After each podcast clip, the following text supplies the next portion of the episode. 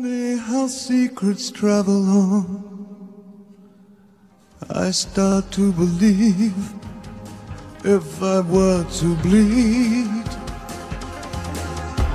In sky the man shaves his hands held high. A cruise beyond. Cruise me, babe.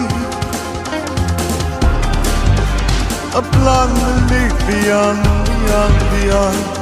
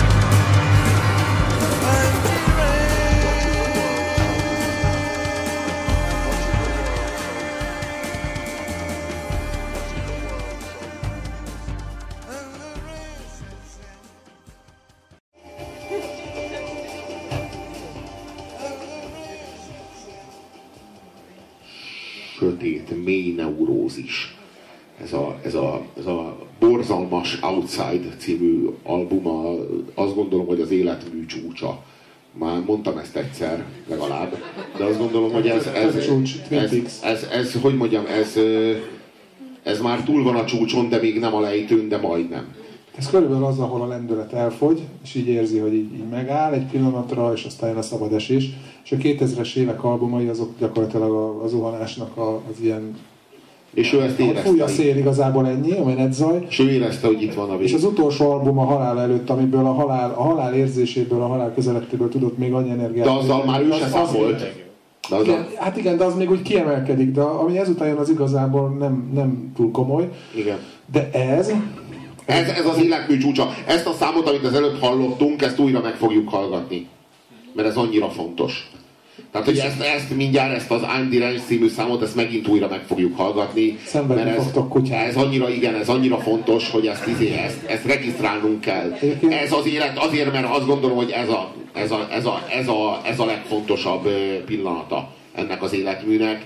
Itt a quintessenciális fájdalom.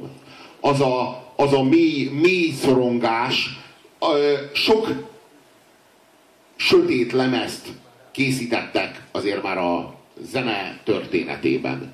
Ez az egyike ezeknek, az egyik legjobb valaha. Az egyik legjobb és az egyik legsötétebb lemez valaha. Bár egy, egy nagyon nehéz lemezről van szó. Két, film, két filmhez is felhasználták ezt konkrétan, ezt az Range című számot, amit ez- most hallottatok, ezt a David Lynch használta fel a Lost Highway című filmjéhez, de a másik számot ugyanerről a lemezről, a Heart's Filthy Lesson, a szív szennyes leckéje című számot. Szennyes lecke a szívnek. Ezt a, ezt a számot, ez pedig a hetedik című David Fincher filmnek a, nem tudom, hogy megvannak-e ezek a filmek, hogy ezek mennyire sötét filmek. Na hát e- e- ennek a lemeznek az anyaga. Na ez a lemez amúgy, amúgy az, az art crime, az ilyen művészet bűnözésről szól, hogy, hogy van egy ilyen új, új bűnözési forma, ahol így... Egy komplet regényt kapsz a lemezborítóban, ha kazettán vetted meg, akkor is. Tehát a lemezborítóban, ha kazettán vetted meg, ez még egy olyan korszak, ha CD-n vetted meg, akkor is kapsz egy komplet reg, kis regényt És a- valakiről, a nyomozó- egy ilyen, művő, egy ilyen, egy ilyen, egy ennyire beteg lelkű emberről. Tehát így valakit megölnek valami 14 éves lányt, és ez ilyen művészi gyilkosság, és akkor van a Nathan Adler, azt hiszem úgy hívják a nyomozót, aki, ezt, aki egy megy végig, és a nyomozásnak az állomásait, meg a felderített tényeket, meg a meghallgatott tanúkat halljuk, hol, hol, hol elszavalva, hol, hol elénekelve. Nem mindig van zenei alap. Most erről a lemezről, hogy hogyan készült, azt kell tudni, hogy a, az előző lemez, ugye a, a, a Black Tie White Noise, az esküvőn a Bowie meg Brian Eno újra találkoztak, nem tudom hány év után. Sok, mert hogy nem dolgoztak együtt.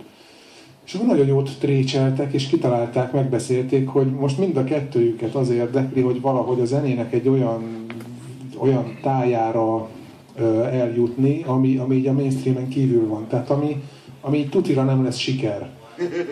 És akkor mondták, hogy fasza, csináljuk meg. Bevonultak a stúdióba úgy, hogy mindketten állítják, hogy semmilyen elképzelésük nem volt arról, hogy milyen faszt fognak csinálni a stúdióban. Tehát ennyiben maradtak, hogy csináljunk valamit. Bementek, el, előre Bovi megírt szövegeket, és ezt valami szoftverbe betáplálta, aminek az volt a funkciója, hogy összezavarta a szavakat, és ez ebben a számban remekül követhető volt, hogy gyakorlatilag to- totálisan értelmetlen mondatok vannak. De legalább az a címe, hogy össze vagyok zavarodva.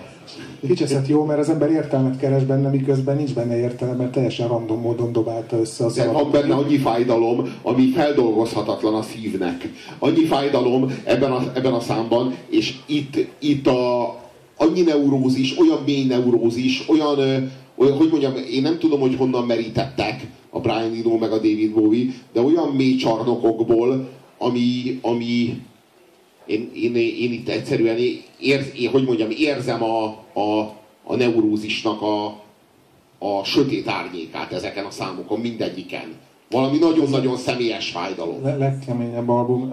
Ezt egy időben úgy hallgattam, hogy így megállás nélkül szintén, mert mindig ezt csináltam ezekkel a jó, jobb lemezeivel, és akkor egyszer emlékszem, hogy valahol Recsk vagy Sirok környékén autóban ülök, megy akkor még kazettáról, valószínűleg ilyen 70 órája ment folyamatosan kávé, és akkor egyszer csak így, így, így fogom a kormányt, így meredek ki magam elé a tájba, és így benyomom a féket, és így mi, mi a picsa van, és így kinyomtam a zenét, hogy nem bírom tovább hallgatni, hogy megőrülök ettől. Nálam ez így működött. Minden esetre miután az Ino meg a Bowie bevonultak a stúdióba, akkor felimprovizálták az egészet. Tehát így a, ez a leghosszabb lemeze, 75 perc, és az egészet felvették három és fél óra alatt. Utána persze még csiszolgatták, hogy szép legyen, meg jó legyen, meg jól szóljon, de hogy ez bementek, és így, így felszarták a lemezre, és igazából kurva jó lett. Elképesztő lett, elképesztő lett ez a lemez. Ez az az igazság, hogy a, hogy a, a Radioheadnek van talán két olyan sötét lemeze, mondjuk a, azt tudom mondani, hogy a, hát a Kid A című lemeze a Radioheadnek, vagy az Amnéziak című lemeze a Radioheadnek lehet ennyire sötét ö, világ. Ilyen sötét mély neurózis. Nagyon kevés ilyen művészi ö, forma van. Itt David Bowie és Brian Eno megtalálják maguknak a drum and bass-t. De nem arra használják, amire a sutyó, amfetaminista, kültelki proli kecik, hogy széttörzsöljék a pofájukon, és utána így, így szétrágják az arcukat addig, ameddig ki nem rágják magukat az arcukon. Nem, nem erre, nem pont erre használják a drum and bass-t, hanem zenei alapnak, amire egyébként a Kosin is speciál használja a drum and bass, meg számos jó zenekar, ami nem mocsok drum and bass. Értjük? Mert a drum and bass egy sötét dolog, de alkalmas valami szent, sötét szentség megidézésére. Ez a Az- sötét, ez a sötét, hogy mondjam, a, a, a drum and bass is lehet jól használni. Itt a példa. Hát az az érdekes, hogy a drum and bass császárai nem érnek fel addig a szintig, amit ők ketten így teljesen outsiderekként mind megcsináltak a drum and bassből.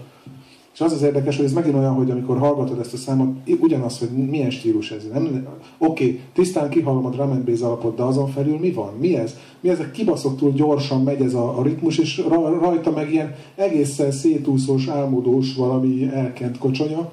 Valamit, Az egész ne- nem lehet, nem koherens, és mégis együtt van. ö, valamit érdemes a drum and bass kapcsolatban tisztázni. A drum and bass az egy sötét, sötét, sötét, sötét ö, ö, mantra. Egy sötét mantra a szívnek. Mély, sötét világ. A drum and bass. És ez alkalmas arra, hogy megnyisson bizonyos érzelmi tárnákat. Amely érzelmi tárnákat utána a dallam, amit a David Bowie erre ír, meg, meg ráénekel, az majd, az majd, majd megnyitja, majd mozgósítja. De fontos egyébként, hogy a David Bowie, aki, hát hogy mondjam, nagyon nagy művész, de, de nincs, nincs saját énje igazán, azt valaki leföldelje. És mindig, amikor jött a Brian Eno, és így jól leföldelte, jó ízléssel és progresszív ö, ö, ö, ecsetvonásokkal, akkor tudott a David Bowie mindig a legjobb lenni. Mindig akkor tudott a David Bowie nagyon nagy inspirációt nyerni. És itt ez a lemez, ez izé, ez ihletett együttállás. Ez valami, ez valami, ez valami tökéletes. Az az igazság. Hogy az egész lemez annyira, annyira mély tónusú, amit már senki nem várta David Bowie-tól. Ezt a lemezt már senki nem várta. Ezt már senki nem képzelte, hogy ez lesz. És a David Bowie a 90-es években annyira korszerű tudott lenni, és annyira átütő tudott lenni, és én, aki gyűlöltem a drum and annyira zabáltam ezt, mert azt láttam, hogy az a mocsok drum and bass, és az a fájdalom, amit én érzek, miközben hallgatom, amiért nem járok ilyen bulikba, az egy lemezen, az meg így meg. Tehát így a David Bowie ezt megírja lemezen, amit én így bemegyek egy drum and és így érzek, hogy így úristen, de szar. Ezt ő egy, ebből csinálja egy lemezt, még az kész, ez kurva jó. Én meg az így egyszerűen csak így izé, nem járok be a drum and bass ő meg bemegy lemezt írni. És, de tényleg egyébként erről van szó, drum and bass iránt mit érez az ember, hanem ezt a, ezt a nyomort és ezt a rettenetes bűntudatot és ezt a ugye, sötétség oltárán áldozom magam, és miért teszem ezt, hogy magammal, meg az anyámmal, meg az ilyen, nem tudom, ilyen, ilyen dolgokat, bazd meg így a and bass, tehát így mi visz rá, bazd meg? Ez a sötétség, és így itt van persze, meg, megkapod a legmagasabb művészi szinten ö, ö, hordozva. Na és miért first outside? Miért van az First, first outside. Tehát ez az a lemez, amire minden, mindig mindenki úgy hivatkozik, hogy az outside. És még írásban is, ha írnak róla, azt írják, hogy outside. Az outside. És ez az meg van ilyen szemérmességből, mint hogy nem hozzák szóba, hogy miért ferde a kereszt a, a koronán. Senki nem hozza szóba, hogy ez, ez, ez egy olyan tabu, ezt így nem illik. Még a végén kiderül, hogy valaki elbaszta, és nem csináltuk meg. Ö, Ez, ez ugyanez, hogy így nem hozzuk szóba azt az egyest. Az ilyen szemérmességből, hogy most hagyjad, hogy most egyes, az outside, de tudjuk melyik lemezről van szó. És mindenki outside-nak hívja a First Outside című lemez, amiből nem készült Second Outside, de, de, egy, de egy ilyen PC óvja azt az outside-ot, hogy így ne lehessen a, izé a, és így néz ki egyébként a borító. És ö, e szerint ő tervezett egy második részt, amit soha nem készített el. Hát és az a baj, hogy már nem is fog. És ezért ez egy, ez egy valódi hiba, illetve lehet, hogy éppen készíti, csak azt mi nem hallhatjuk, mert ugye outside csinálja. A First Outside az valójában Inside. Egy outside, fél outside, két outside, egy outside. De egy outside nem outside, amint tudjuk. De most ha vegyük át újra, vegyük, vegyük át újra ezt a, ezt a, ezt a az I'm Deranged című számot. Halljuk benne azt a zakatoló ö, lelketlenséget, ami az alapja, és hallgassuk rajta azt a fájdalmat és azt a nyomorúságot, ami a dallam fölötte.